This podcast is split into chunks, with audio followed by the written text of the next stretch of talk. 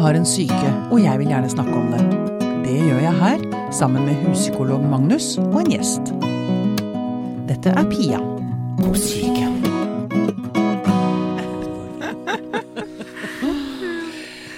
Ok. Um, vi begynner litt privat, Magnus. Eh, Dine foreldre, skilte de seg? Nei. Nei. Ingen, jeg tror ingen i slekta mi som har altså jeg, jeg tenkte på det da jeg leste i Sannas uh, bok, eller Mm. gjestens bok, men uh, skilsmissene Det er ingen skilsmisser der, altså. Nei, og ikke hos meg Så jeg har ikke noe særlig erfaringer med det. Ikke jeg heller. Nei. Ikke hos meg heller. Og så heldige dere er. Men det, da, men nå har vi da Så ja. Det er, da kan hende at vi stiller litt dumme spørsmål. Det Velkommen i studio, Sanna Saroma, får jeg aller først si. Tusen takk. Historielektor, sosiolog og forfatter. Det er Wikipedia, men eh, jeg vet at du skriver feminist, finne og forfatter. Ja. Mm. Ja. Men da har vi dekket. Jeg tror tror vi har dekket, ja. Eller hvis du vil ha flere f-er. Feminist, forfatter, finne og firebarnsmor. Firebarnsmor. Selv om jeg er veldig imot, vet du, når folk blir omtalt som at de har Sånn som nå var det en eller annen høyrepolitiker, vet du, et eller annet firebarnsmor, ditt eller datt.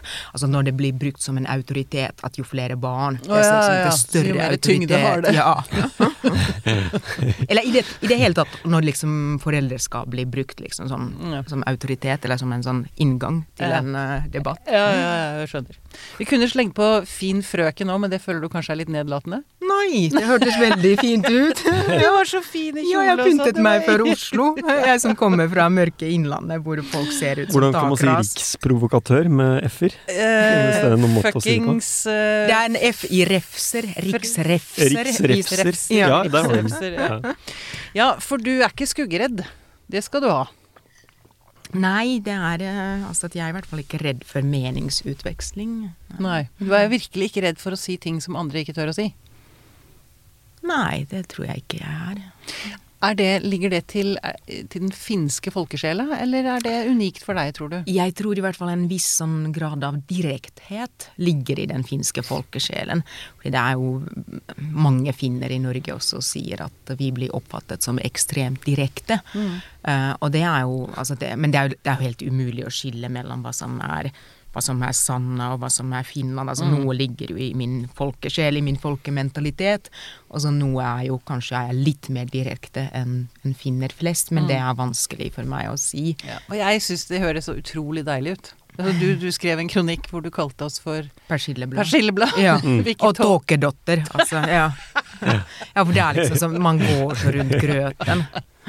Og så eufemiserer det meste, og det gjør ikke jeg. Nei. Og så er det også, jeg tror det er også en sånn språklig dimensjon, at i og med at jeg ikke er morsmålsbruker Jeg husker nemlig jeg er faktisk eh, norsklærer eh, også, i tillegg til alt det der. Så jeg kommer rett fra undervisningen etter at jeg var ferdig med dagen. Og så, eh, og så husker jeg i sin tid da jeg tok uh, grunnfaget norsk på universitetet, altså var det muntlig, og på muntlig så måtte jeg gjøre rede for å liksom drøfte bruk av sånne små ord som vel og dog og nok.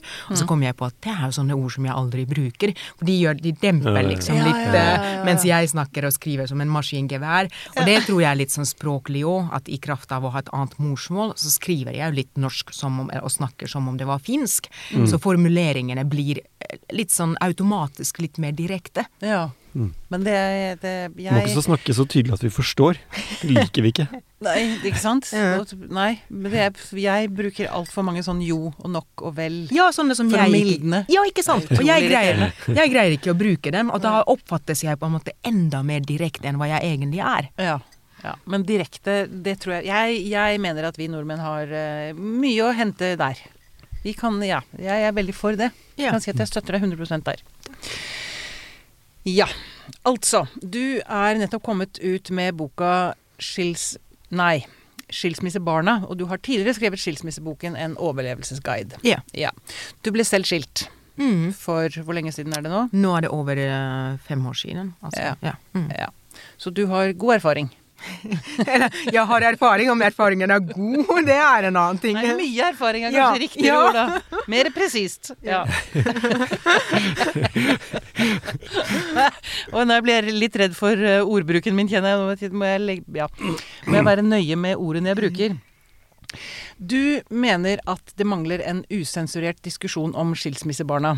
Eh, som ikke tar hensyn til foreldrenes dårlige samvittighet. Mm. Og et litt åpenbart spørsmål, men hvorfor mener du at det er viktig?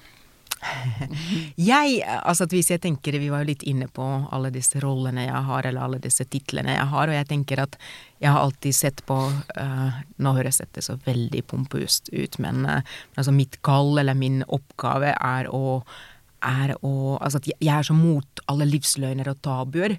Uh, og sånne ting som folk ikke snakker om, og, og, som de på en måte skjuler og gjemmer. Og, og jeg er så, liksom, så opptatt av å å knuse fasader. Eh, og, og, da tenker jeg at dette er liksom en av de tingene Eller da jeg jobbet med den der skilsmisseboken, så intervjuet jeg 40 eh, skilte. Og alle snakket jo veldig velvillig om barna sine og fortalte hvor bra det går med barna, og de kunne til og med si at det går mye bedre med barna nå, eller, eller jeg husker en høydere var en far som sa at, uh, at barna merker ikke engang at vi er blitt skilt. Uh, og så tenkte jeg at tar ikke disse voksne litt for lett på barnas uh, lidelse og sorg og barnas følelser. Mm. Uh, og da ble det litt sånn, sånn at mm, her er det sikkert liksom et eller annet som ikke stemmer, eller et eller annet hvor, uh, hvor vi framstiller virkeligheten på en annen måte enn hva virkeligheten egentlig er. Mm. Og da merker jeg at da blir jeg med en gang veldig nysgjerrig. At er det noe her jeg kan finne som, som på en måte skurrer? Mm. For du tenker at grunnen til at voksne ikke tar inn over seg barnas lidelse eller barnas sorg, det er at eh, de, de beskytter seg selv? Altså, mm, man prøver ja. å late som om alt er greit? Ja, ja altså, jeg, jeg, tenker at, uh, altså at vi, vi, som er foreldre til barn uh, Altså litt sånn som jeg, som firebarnsmor. Eh, bare for å liksom få under, understreke dette. Fire! Altså det er ganske mange, altså. Men nei, altså dette at vi sier jo alltid, altså uansett om vi har ett barn eller fire barn eller fem barn eller hvor mange barn vi har, at vi vil bare det beste for barna våre. Og det ligger nesten i ryggmargen. Mm. Og så med skilsmissen så gjør vi noe som ikke er til det beste for barna våre.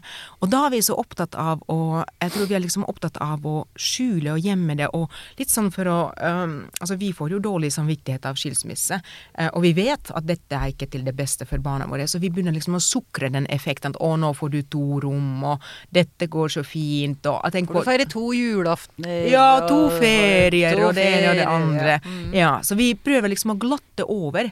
Jeg tror det liksom ligger Altså at jeg tenker at uh, den andre sannheten, altså den barnas smerte, den smerter så mye at vi ikke helt klarer å ta det inn over oss. Og nå mm. merker jeg altså at denne boken er jo en beskrivelse beskrivelse av, av altså barnas smerte, eller at det er liksom mye smerte mellom de to permene. Mm. Altså det er selvsagt også fine historier, eller solsynshistorier og, og gode historier, men gjennomgangsmelodien er jo ganske tung. Mm. Ja, for hva skjer med et barn når familien blir splittet, revet opp, ødelagt? Mm. Det er Altså, sorg Sorg er uh, selvfølgelig Altså Men uh, altså, det jeg tenker Det første som skjer, er vel Og det leste jeg også i boka di. Mm. Det første som skjer, er dette kaoset. Mm. Mm. Som oppstår i barnet. Fordi plutselig så er den verden det barnet alltid har kjent, er plutselig ikke der lenger. Mm. Og hva skjer da? Mm. Og så for jeg for eh, barna så starter det som regel av denne samtalen at uh, mor og far uh, spør om Eller at de sier at nå skal vi snakke sammen. Mm. Og, så, og, dette er en avgjørelse som, som, på en måte barna ikke har noe eierskap til. Det er ytterst sjelden at en av de voksne har invitert liksom, barnet med på en sånn drøfting skal jeg skilles eller ikke, og ikke høres det så veld, veldig sunt og fornuftig å gjøre det heller. Så, så dette blir en bombe som, som, slippes ut, eh, og barna har på en måte ikke vært med i prosessen. De voksne har som regel vært, i hvert fall én av dem har vært med i den prosessen, altså den har kommet fram til denne avgjørelsen. Så, så, for barna er det som å slippe ut en bombe. Uh, og der, der, derfra starter barnas uh, skilsmisseerfaring, og erfaringen som skilsmissebarn.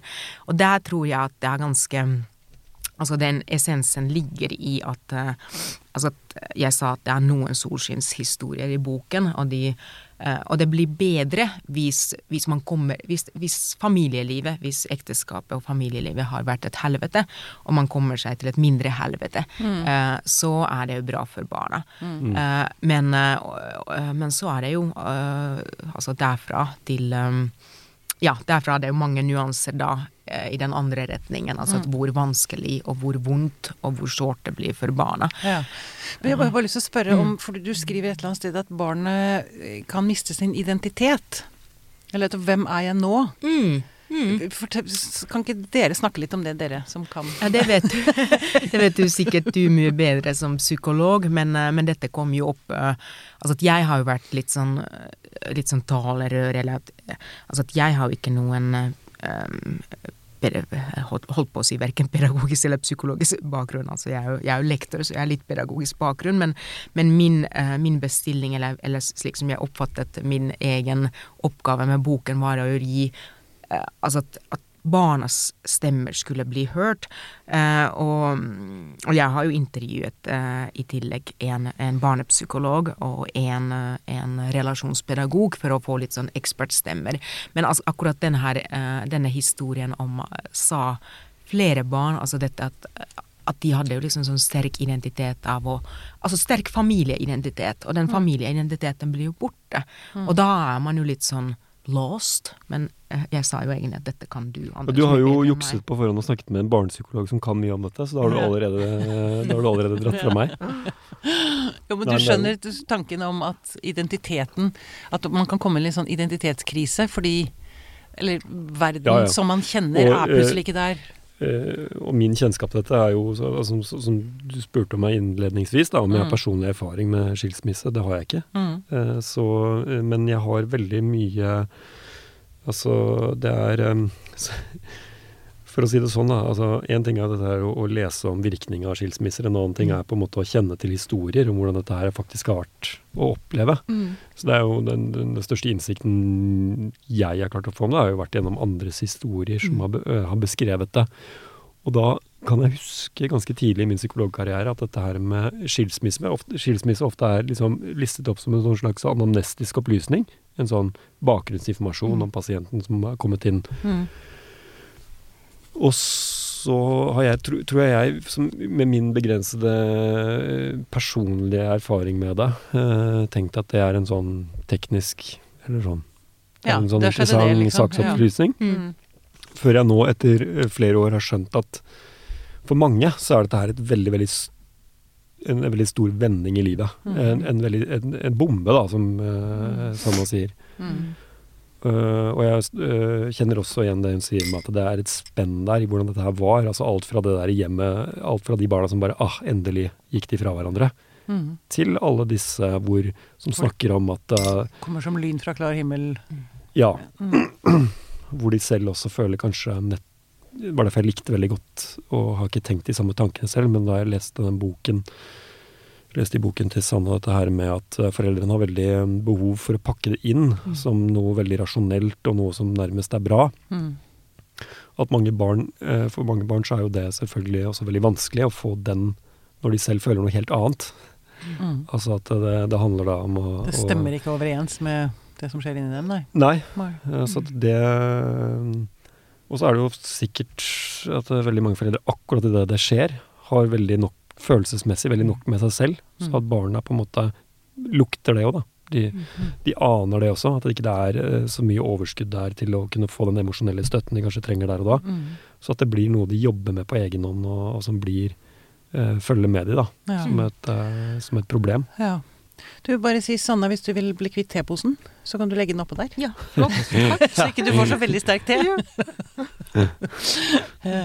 Men det er jo det du sier der, det er et viktig stikkord. Altså, jeg var akkurat intervjuet for et eller annet Eh, til et eller annet blad, og, og de spurte, spurte meg liksom personlig hvordan skånet du barna dine selv i skilsmissen? Og, og, og, så svarte jeg bare på ingen som helst måte at, at jeg var så full av mine egne følelser at uh, jeg, jeg, følte jo akkurat det samme som barn ofte føler i skilsmissen, at uh, dette var ikke min avgjørelse. At det er liksom, og da ble det liksom en bombe for meg også, og da er man så full av liksom, egne følelser i altså hele skalaen, altså fra hat til tristhet og altså alle verdens negative følelser, eller er det, mm. finnes det fem av mm. dem, eller hva det Du mm. vet jo som psykolog, men uansett. Så, uh, så det er jo ikke, ikke rart at um, at de voksne, eh, de voksne sliter. eh, Mm. Og, og da skjer det gjerne at barnet trekker seg kanskje litt tilbake, fordi barnet vil ikke forstyrre de voksne som sliter i skilsmissen.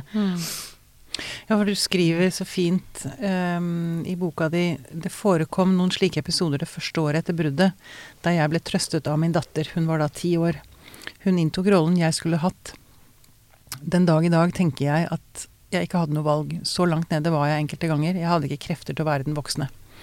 Og eh, det tenker jeg også at um, de voksne vi, Altså, vi må ikke være felle for hard dom over den voksne heller Mm. i dette. Og det gjør gjerne, vet du, min opplevelse er at de de godt gifte, de sitter på sin høye hest Ja. og, og liksom Og litt sånn som du sa, at, eh, at, um, at da du var en ung psykologstudent Jeg tror liksom veldig mange deler den, litt den erfaringen med at vi tror at skilsmisse er bare en sånn bakgrunnsopplysning, i og med at skilsmisser er så vanlige. Ja. Eh, og da tror vi at eh, ja ja, men det skjer. Da var det Altså, en liten ting, liksom. ja, ja. og sånn var jeg sikkert også før skilsmissen. At jeg liksom tenkte ikke over det, at, at det er liksom business as usual.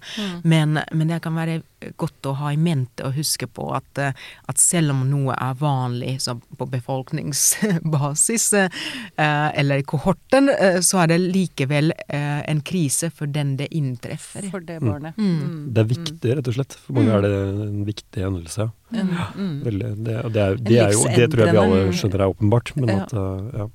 Nei da, men det er, vi- ikke sant, vi sier jo det, ja.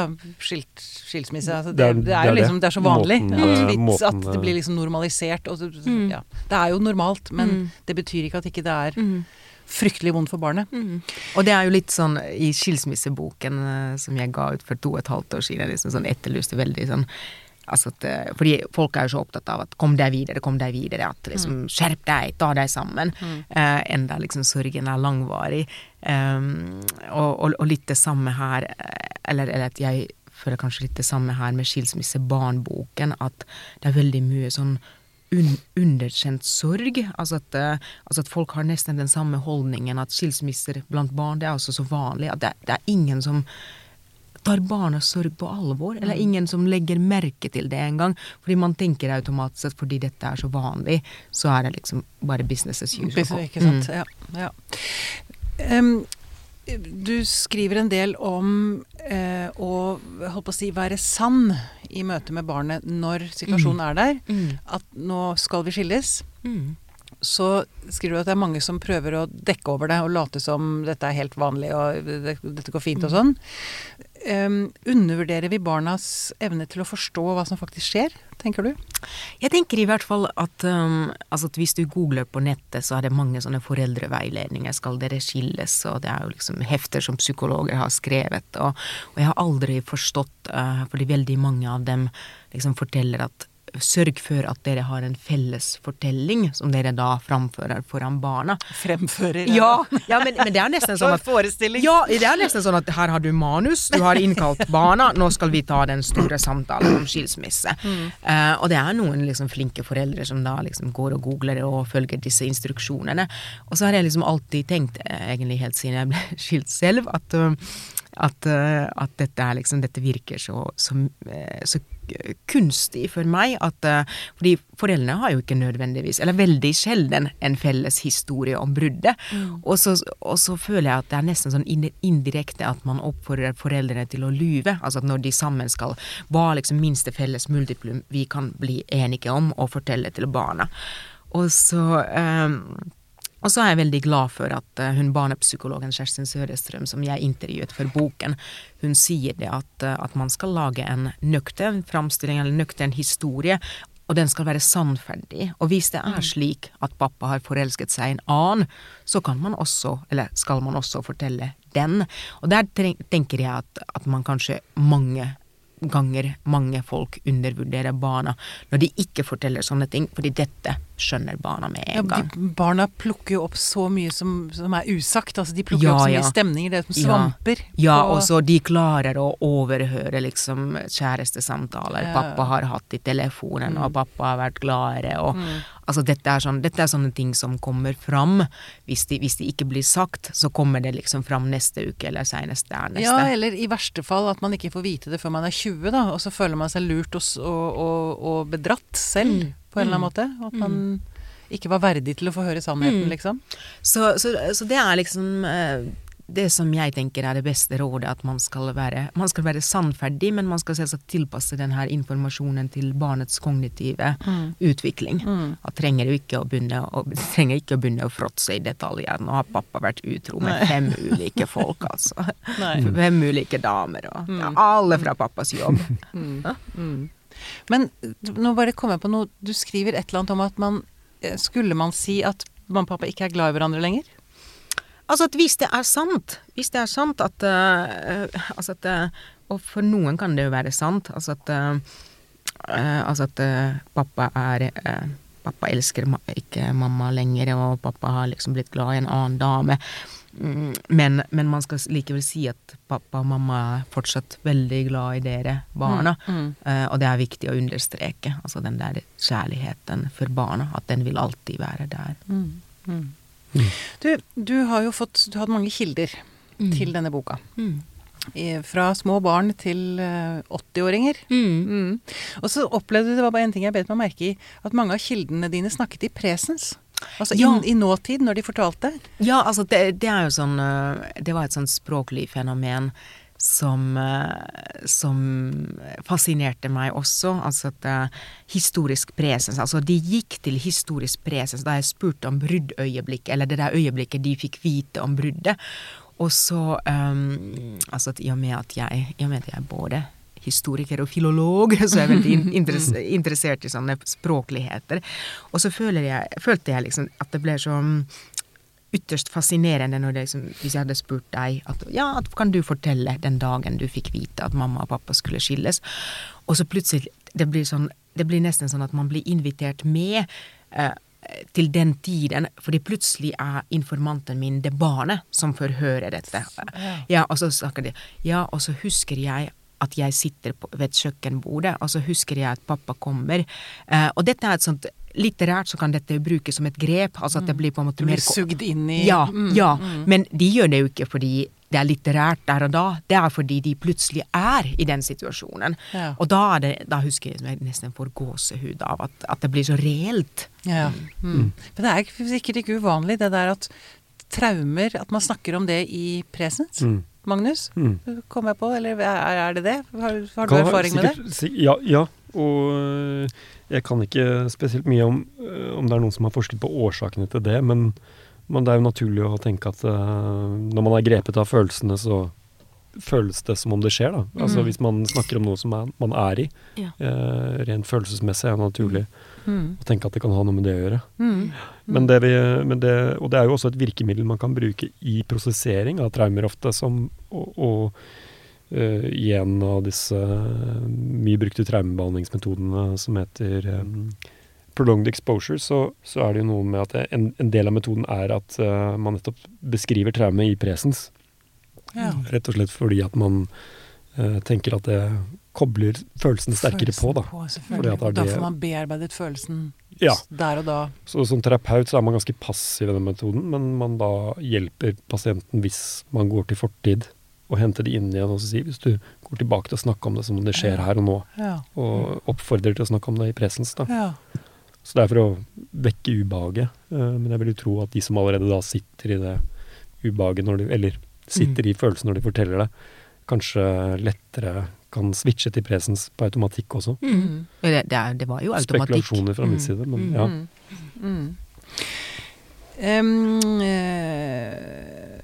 Vi har, jeg, bare, jeg har lyst til å snakke litt mer om barna og hvordan de reagerer. Uh, fordi de ofte er lojale. Og de, uh, altså, de kan føle mye sorg, og de kan også føle masse sinne. Uh, kan ikke du fortelle litt om hva er det foreldre Altså, ja, hva skjer med barna? Ja.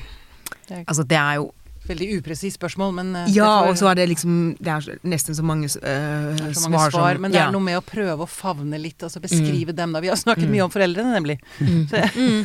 Ja, ja, ikke sant. Som vanlig. Ja, og nå har jeg jo skrevet en bok fra barnas perspektiv. Ja, ja, ja. Nei, altså at man har jo, uh, man har jo barn som er uh, På et sted i boken så grupperer jeg jo litt disse reaksjonsmønstre. Eh, altså hvor jeg går litt mer sånn tematisk og grundig til verks. Altså jeg er jo en gammel, eller altså en avdanket forsker, så jeg har jo måte, Jeg bruker jo strengt tatt uh, de samme metodene som jeg brukte da jeg skrev en doktorgrad, men jeg, ikke, jeg skriver jo ikke like kjedelig liksom, om dette var en doktorgrad, eller at jeg, det er jo ikke noe metodekapittel, eller det er liksom ikke noe, noe den typen ting, men jeg merker liksom at jeg bruker den de kunnskapene jeg hadde, eh, eller har fortsatt. Mm. Og, og, der har jeg jo gruppert barn. Altså at, at man har de lojale, de selvoppofrende. Man har de sinte, som jeg mm. syns er en veldig sånn fascinerende reaksjon. Eh, altså de, de, som er så sinte at de kutter ut all kontakt med den forelderen som de som anser går. som skyldig mm. i bruddet. Mm. Ja.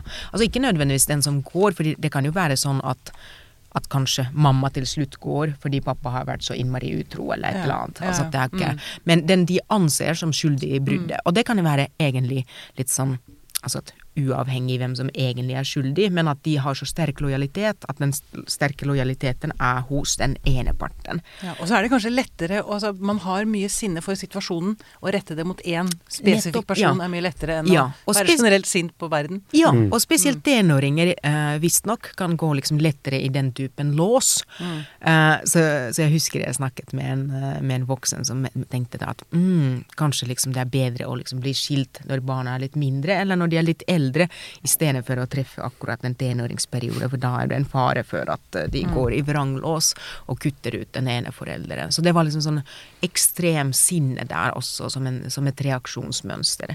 Og tristhet eh, snakker jo alle om. altså det er ikke, Vi kan ikke si at én gruppe barn var veldig triste, en annen gruppe barn var veldig sinte.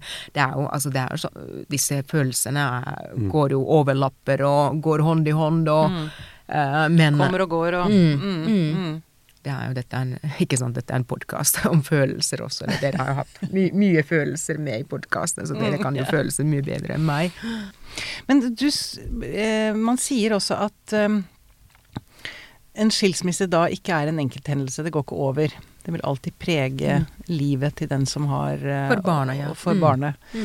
Og at det påvirker alle relasjoner senere i livet, også jobb. Mm. Det, i hvert fall mm, mm, nytt for meg.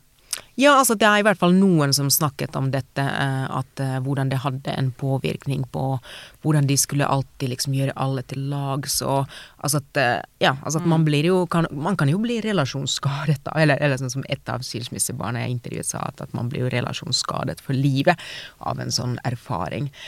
Og det, det, som har spesielt vært forsket på, og som, som disse informantene mine snakket mye om, og som jeg var også veldig interessert i, er jo dette hvordan, hvordan skilsmisseerfaringen preger kjærlighetslivet seinere, og liksom tanker om eget ekteskap og eget ekteskap. Mm. Men det som, eh, det som kan jo nevnes som en sånn liten positiv side. At det virket som eh, hos veldig mange så styrket det søskenrelasjonen. Ja. ja og det, er litt, det var litt sånn mm. godt å høre. Altså det var litt sånn eh, varmende å høre. Eh, og spesielt eh, hos disse barna som blir sendt på sånn evig vandring mellom to hjem. De følte at det var liksom godt å være flere på det. Altså mm. flere til å pakke bagen. Og, og da følte liksom sånn, sånn som jeg snakket med to søsken i en sånn flokk på tre, eh, hvor de liksom sa at vi blir litt sånn familie i familien når liksom vi flytter mellom mamma og pappa. Mm. Eh, og, og, de eh, søsknene kunne også finne mye styrke i hverandre under det, liksom den, det umiddelbare bruddet og litt det kaoset og den uvissheten. Hva skjer med oss nå? Hvor skal, ja, for da har du i hvert fall en som, er, som forstår hvordan du har det. Mm. Og en som på en måte må gå gjennom akkurat det samme. Mm. Selv om altså det, er ikke, det, er ikke, nødvendigvis alltid sånn at uh, søsken forstår hvordan den andre har det. Nei, nei, men allikevel det er noe lignende, da. Ja, altså, de er i samme ja, situasjon på en eller annen måte. Ja. I motsetning til de voksne som mm. tar, tar, avgjørelsen. Mm. Som har mye mm. mer råderett over sine liv. Jeg begynte da. plutselig å tenke på min bror som liksom Som jeg syns ikke forstår hvordan jeg har det. Men selv om vi liksom har vært gjennom de samme tingene. Jeg har, ja, jeg har På samme måte. Ja. Mm. Um, hvordan hvordan kan man som voksen eh, minske eller fjerne det kaoset som barna står i? Hva, hva, er liksom, hva, er det, hva, er det, du vil fortelle de voksne som eh, Her kommer de gode rådene om ja, å være rasjonell, ja. holde hodet kaldt og hjertet varmt. Det, liksom alle de riktige tingene. Nei, men jeg tror også at her, her gjelder det å være liksom ærlig og sannferdig. At, uh, spesielt i bruddets øyeblikk. altså at Med mindre det er et nokså synkronisert brudd som de voksne har gått, begge to har gått med i magen i lang tid og kunnet snakke mye om, uh, så gjelder det liksom veldig ofte veldig ofte de voksne lyver litt sånn at, uh, at ingenting kommer til å endre seg, vi kommer til å feire jul sammen, vi, vi, kommer til å være sammen hver høytid og hver ferie. Og dette er bare bullshit. Det er de færreste som orker å feire jul med eksen eller dra på ferie med eksen. Så, så, jeg, uh, så, det er viktig at man sier ting akkurat sånn som det er. At uh, akkurat nå vet vi ikke hvordan neste jul blir, eller hvordan neste sommerferie blir, men vi, vi skal liksom prøve å samarbeide til det beste for dere. At man også får forteller om det man ikke vet. Mm. At man sier at 'dette vet vi ikke noe om'. Og kanskje ta det med på råd? Ja, gjerne det. Igjen med tanke på at Eller ved, altså sånn i henhold til barnets kognitive nivå. Mm. Men dette skjønner, jo, dette skjønner, jo, mor og far som regel. At hva mm. liksom mm. Hvor mye man skal involvere barn. Men i hvert fall dette at man skal, man skal holde seg til sannheten hele tiden. Mm. Mm. barn blir så ofte balansekunstnere og mm. diplomater. Mm. Og det, det, det, det, blir så slitsomt. Ja, og det er Og, og de glemmer seg selv fordi ja. de blir så opptatt av de voksne at uh, ja, og det er jo det, det, er liksom det vi var så vidt inne på, dette arbeidslivet. At noen følte at de hadde blitt sånne pleasere alle mm. steder. Fordi de, de, vi er så vant til å balansere mellom mors ønsker og fars ønsker. Og dette er også den skilsmissearven som de tar langt inn i voksenlivet. Eh, altså, selv om mor og far hadde gått fra hverandre da de selv var små, så fortsatt som voksne, som middelaldrende mennesker, så må de tenke at ja, skal vi besøke mor første juledag og far andre juledag, og, mm. og liksom, de skal ta hensyn til alle disse ønskene. Og det er veldig mange ønsker i en sånn skilt familie, og kanskje noen hadde attpåtil uh, skilte besteforeldre. altså Jeg har brukt dette bildet at familie familietreet. Altså dere er heldige som ikke har skilsmisseerfaring, for da er det ganske liksom pene linjer, pene grener. Dere vet hvor dere skal første juledag og andre juledag. Mm. Uh, og det er liksom det er, uh, altså det er en kamp kanskje mellom samboeren eller mann, ektemannen og, uh, om, og hvilken svigers vi, vi, skal besøke. Men tenk om det er Altså om alle er skilt på alle bauger og kanter. Mm. Og sånne familier begynner jo å være nå ganske mange av. Og så må alle ha fått seg nye, så man får 100 familier for å holde seg ja, til. Ja, ja. Og så skal liksom disse pleasere da balansere. Og, mm. og, så vet de at mamma er veldig sår og veldig var, at hvis vi er liksom en overnatting lenger hos pappa, så kan vi ikke si det til mamma, eller så må vi være en natt lenger der også. Mm. Og dette gjelder da også liksom for voksne folk. At det er sånn eh, At det er ikke noe som blir borte. Eh, at de liksom vokser opp i dette i kraft av den skilsmissebarnerfaringen. En, en integrert del av dem, ja. Mm. Mm. Altså noen klarer å gi litt mer faen, men, men ikke alle. Og de er, det er jo disse her balansekunstnere som, som da kanskje tar litt for mye hensyn til andre i arbeidslivet, på, altså på jobben og ja. ellers mm. også. Ja. Mm. ja, også dette med at noen blir, de slutter å være barn. Mm. Det er også så vondt. Ja. At de må vokse opp så innmari. Mm. Og dette var spesielt, altså at jeg, som du var litt inne på, at jeg har intervjuet eh, folk i ulike aldre for å få Altså i og med at jeg er eh, Altså Selv om det står sosiolog eh, på Wikipedia, og det kommer av at jeg er doktorgrad i sosiologi, men jeg føler alltid at jeg, har veldig sterk fagidentitet som historiker. Ja, okay. For jeg har hovedfag i historie, og så det er liksom historie jeg elsker, og, og jeg ville jo intervjue eh, liksom folk i alle aldre for å få fram den historiske endringen som jeg syns er så spennende. Og nå glemte jeg spørsmålet litt, for dette var egentlig intro til uh, svaret mitt. Uh, Nei, at de, at de, slutter å være barn. De, de får ja, ikke lov til å Ja, de, og der var det ja, så veldig spennende. Altså, jeg husker en sånn middelaldrende mann som fortalte at um, da mor og far ble skilt, og da snakker vi om vi snakker nå om slutten av 70-tallet, begynnelsen av 80-tallet. Uh, og, og, da fortalte han at um, far flyttet ut, og mor var for stolt til å uh, få noen barnebidrag, og hvordan han da måtte begynne å jobbe veldig tidlig og liksom forsørge seg selv og liksom ta ansvar. Og hvordan, hvordan, han sa at det var liksom selvsagt positive effekter av det. At han ble liksom veldig flittig og um, og pliktoppfyllende, men at, uh, at i, en, i tidlig tenårene, altså at han allerede ble mannen i huset, altså mm. som praktisk sett, og, på mange andre måter også. Det er det mm. ene, altså at, at, dette var liksom ikke, denne historien var ikke unik. Og så det andre er jo, uh, når vi kommer nærmere nåtiden, altså at dette, dette er jo ikke så tidsbestemt. Altså ingen av disse erfaringene må være tidsbestemt, men, men akkurat det der at um, det var mer sånn tidsbestemt at fedrene forsvant, altså at uh, før 90-tallet. At de kunne flytte langt ut uh, og bli borte fra barnas liv. Det er mye sjeldnere nå. Men en annen erfaring, også en veldig sånn sår og vanskelig erfaring er jo når barn blir psykologer og terapeuter for sine foreldre. Mm. Når de ser at Litt sånn sånn Altså at uh, du var inne på det utdraget hvor jeg fortalte hvordan min datter på ti år trøstet meg, og da trøstet hun jo helt konkret, altså fysisk. Uh, men tenk om hun hadde vært fem år eldre, altså sånn som nå.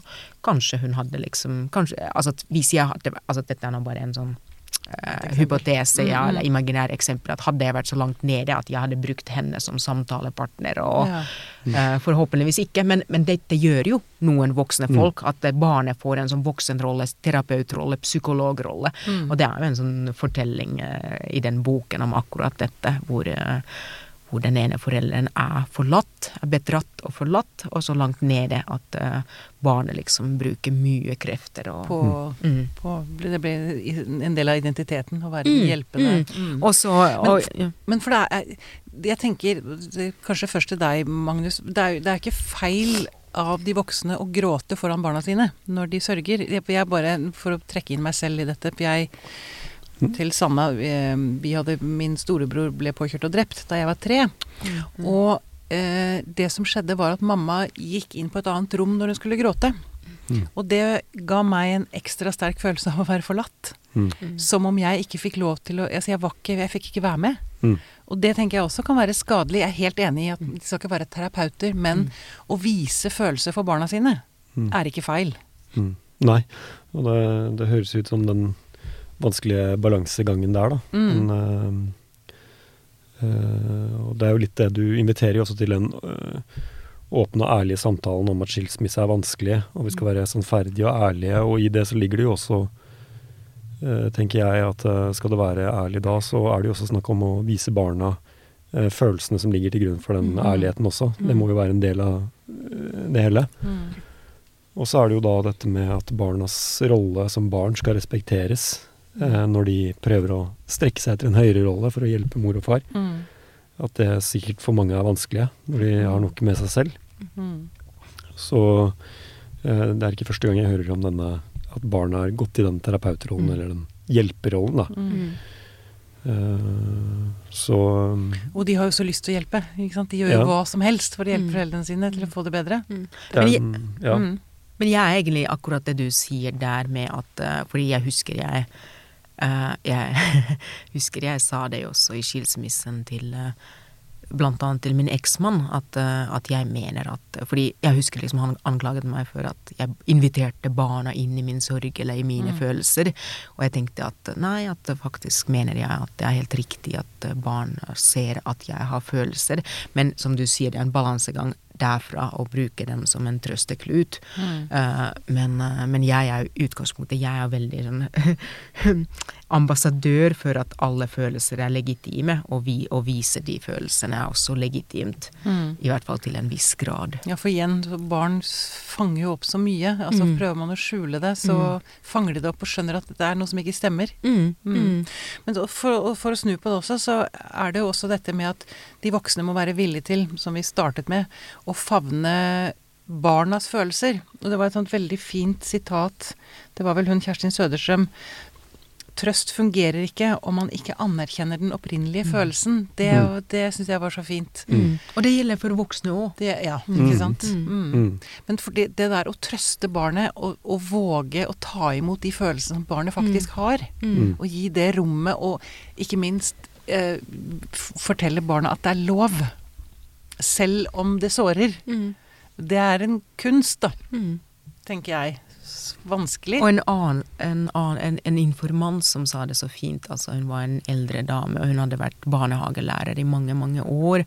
Og hun sa at liksom hun ofte i barnehage, eller at hun som barnehagelærer tok den rollen at, at de voksne eh, som skulle bli skilt, eller hadde blitt skilt, altså de var så fulle av sine egne følelser at, at barna fikk komme til henne og liksom være sinte og liksom gi uttrykk for alle de mm. følelsene. Og så fortalte hun også hvordan hun da liksom oppdro disse voksne, at dere må ta imot alle de følelsene, ja. uansett hvor mye vondt det gjør hos dere. At dere skal være til stede og trøste, eller liksom holde rundt barnet uansett hvor fæle ting eh, barnet sier. Og anerkjenne, Ja. anerkjenne barnets følelser. Ja. For jeg vet, ikke, jeg vet ikke om det nødvendigvis trenger å være så veldig vanskelig for voksne å hjelpe barna med å, å rette de anklagene mot en selv og, eh, og det sinnet som ligger der, Mm. istedenfor å prøve å pakke det inn som noe veldig trist og leit som de skal Mm. godta eh, på, på første impuls. Mm. Um, det kan nok også være at uh, det er en um, Det er noe noen gjør uten å vite uh, at, uh, at det gjør skade. da. Mm. At de hopper over det, uh, det sinnet som også ligger der hos en del barn. Ja. I, i at, en at sånn- de ikke tillater barna å føle sånn- det. Ja. Mm. Uh, da tenkte jeg på det eksempelet ditt, da, hvor var det syk helsesøster du sa, som hadde fått Som inviterte barna opp i fanget. Ja, Få lov til å være sinte og Ja, nei, barnehagelæreren. Ja. unnskyld, Mm, barnehagelæreren. mm, mm. Mm.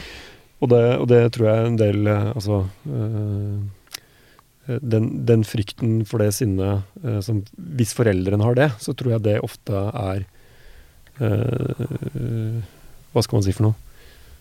Eh, I noen tilfeller tror jeg det er bare uvitenhet eller eh, dårlig håndtering. mm. At det er noe de burde eh, Ja, men tror du ikke altså at um, Altså at jeg i hvert fall kan liksom jeg, jeg tenker sånn at for meg var skilsmissen litt sånn som forelder litt sånn litt lett. Altså at jeg gjemte meg veldig mye bak dette. At jeg var liksom Jeg var bedratt og jeg var forlatt. Liksom at jeg hadde ikke noe skyld i dette.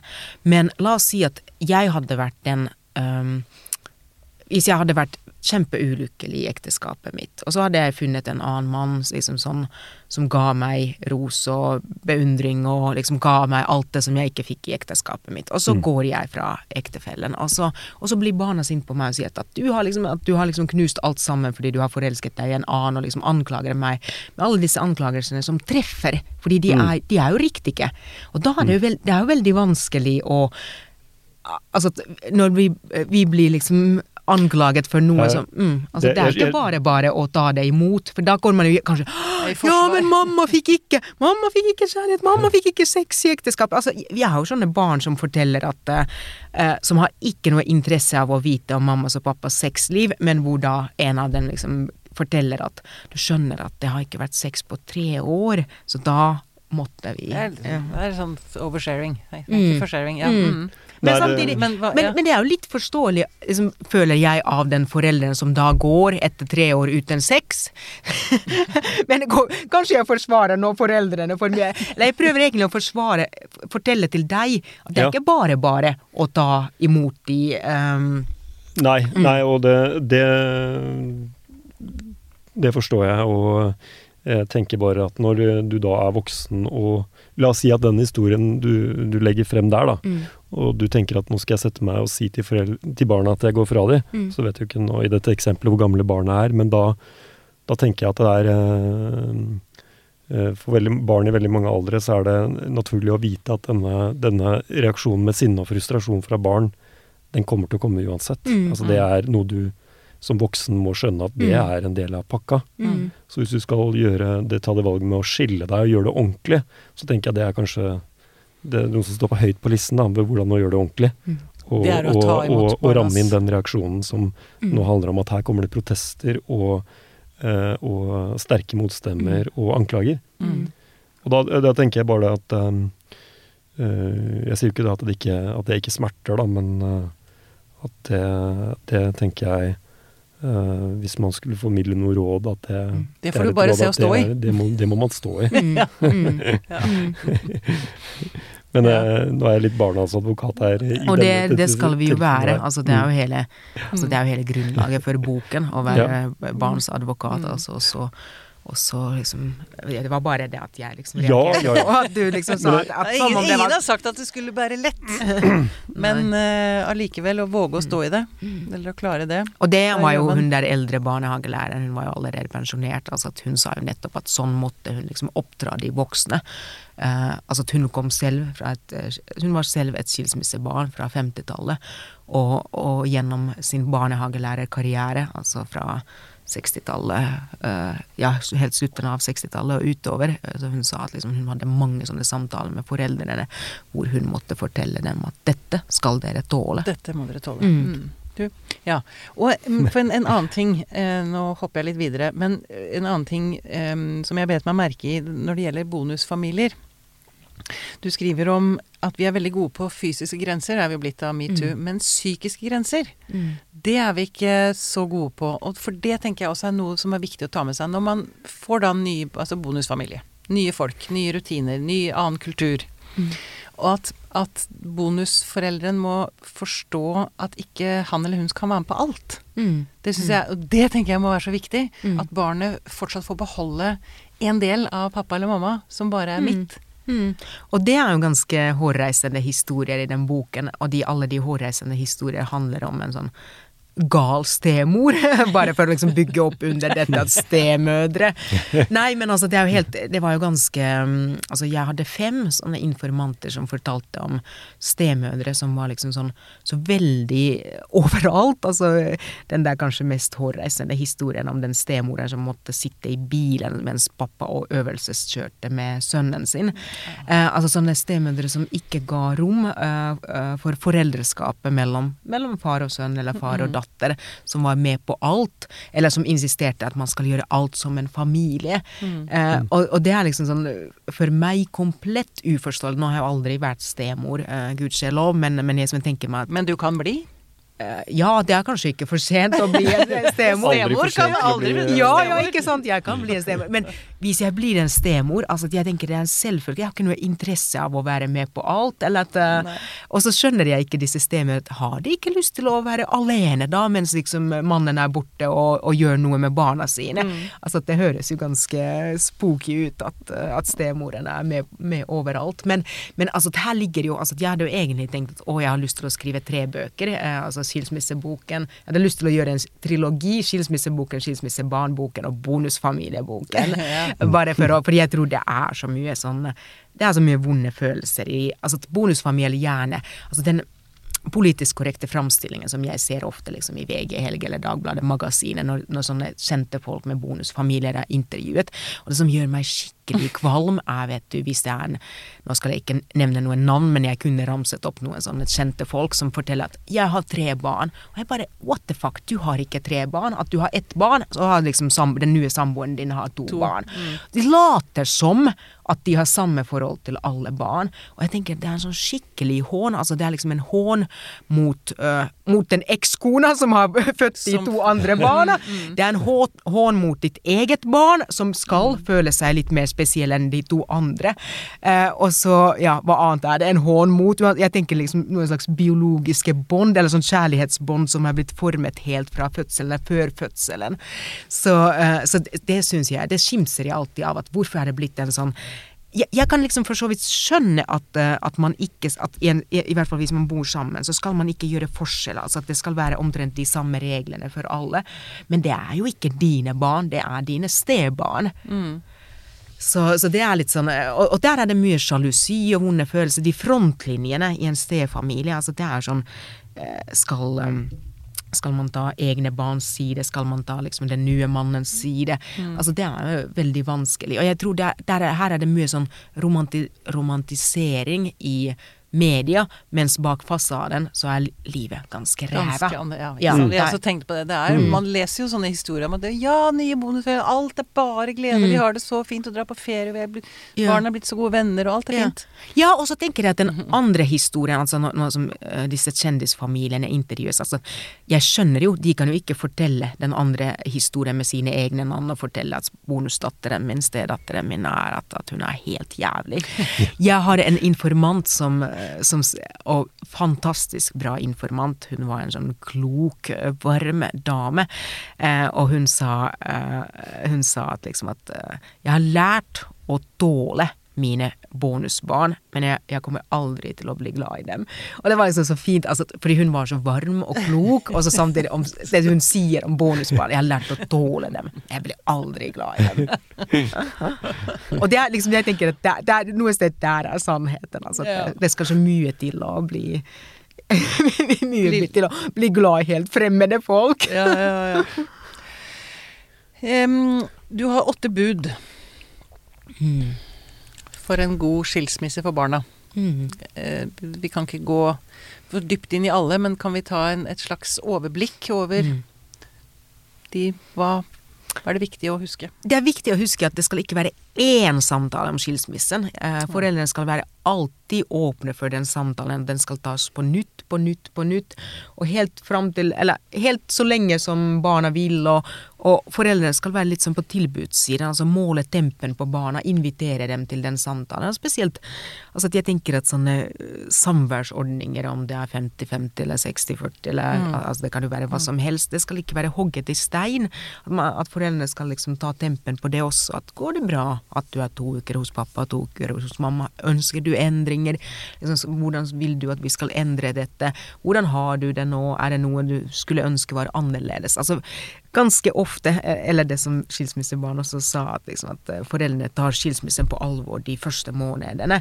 Men når det begynner å gå seg til, om to år eller tre år, så har liksom skilsmisse slutter å være et tema. Ja. Selv om det fortsatt skaper jo en annerledes hverdag for barna. Mange praktikaliteter som er annerledes, og også det emosjonelle som vi har snakket om. Så sånn sett, eh, det er et godt bud. Altså snakke med barnet, og aldri liksom slutte å snakke Aldri slutte å snakke med barnet om skilsmissen. For den vil alltid være der til stede for dette barnet. På en eller annen måte. Ja. Og det er det aller viktigste, kanskje. Høres, Mm. høres ut som om Ja. det er Og så skal man være til Altså at man skal hjelpe med de praktikalitetene. Altså at eh, det er sånn um, Sånn som jeg tenker på eksmannen min som stadig vekk er i shuttletrafikk mellom eh, husene våre, altså sånn for å liksom komme med et eller annet, altså spesielt sånn sportsutstyr. Eh, det meste har vi to av, men, uh, men hvis det er liksom slalåmski eller eh, langrennsski, at det er jo for, foreldrenes forbaskede plikt. Og, og der tenker jeg litt sånn at mm, siden jeg var den forlatte, det er din forbaskede plikt, så det er liksom som oftest han som er i shuttletrafikken. Han som kjører med skiutstyr og slalåmutstyr. ja.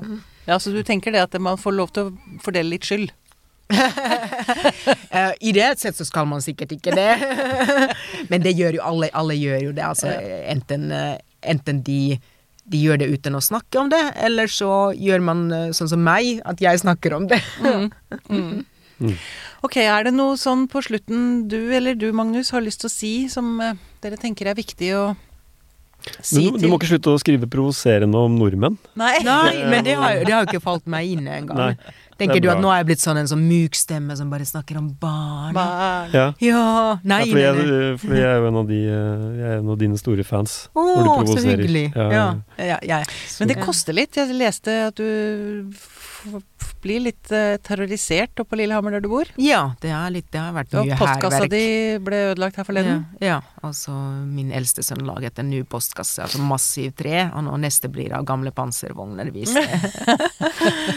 Men du lar deg ikke skremme, du lar deg ikke stoppe av det. Nei, nei, men jeg, jeg begynner å bli, være litt lei av å bo i en sånn konform småbu som Lillehammer. Så, så selv om jeg sa at det var som en getto å komme hit, så tenkte jeg at å, kanskje gettoen er bedre. Her er det i hvert fall ingen liksom bryr seg hva jeg skriver om. Nei. Det ble ikke noe tryggere å ha postkasse i Lillehammer nå, si. Men det, det er vel eh, Ja, det, man må tåle Ja, altså folk må tåle å høre sannheten og ja. Ja, men folk gjør ikke det, vet du. eh, Og høre Liker ikke å bli- Men, men altså, de har jo sagt at altså, folk flest er gode. Det trengs bare én idiot til å ødelegge en postkasse, eller til å Ja. skrive dumme ting på bilen min. Det er liksom Kanskje er det bare én idiot. Ja. Vi, må, vi vi det. håper det. Vi Ja. det, Og den idioten kommer ikke til å høre på denne podkasten. Det, det er ingen idioter som hører på en Der kan vi faktisk være veldig glad for sosiale medier, for der, idiotene kan sitte bak eh, tastaturet sitt og legge ut slimet sitt der, Mm. istedenfor å ødelegge folks postkasser. mm, Mobiler og sånn. mm, Ta ut aggresjonen på Facebook. Nei, vi er jo ikke for det heller. Det er jo, ja. Det er, mm, men det er en helt annen samtale. Jeg tror vi bare avslutter, jeg. Ja, rett og tusen slett. Tusen takk for at du kom, Sanna Saroma.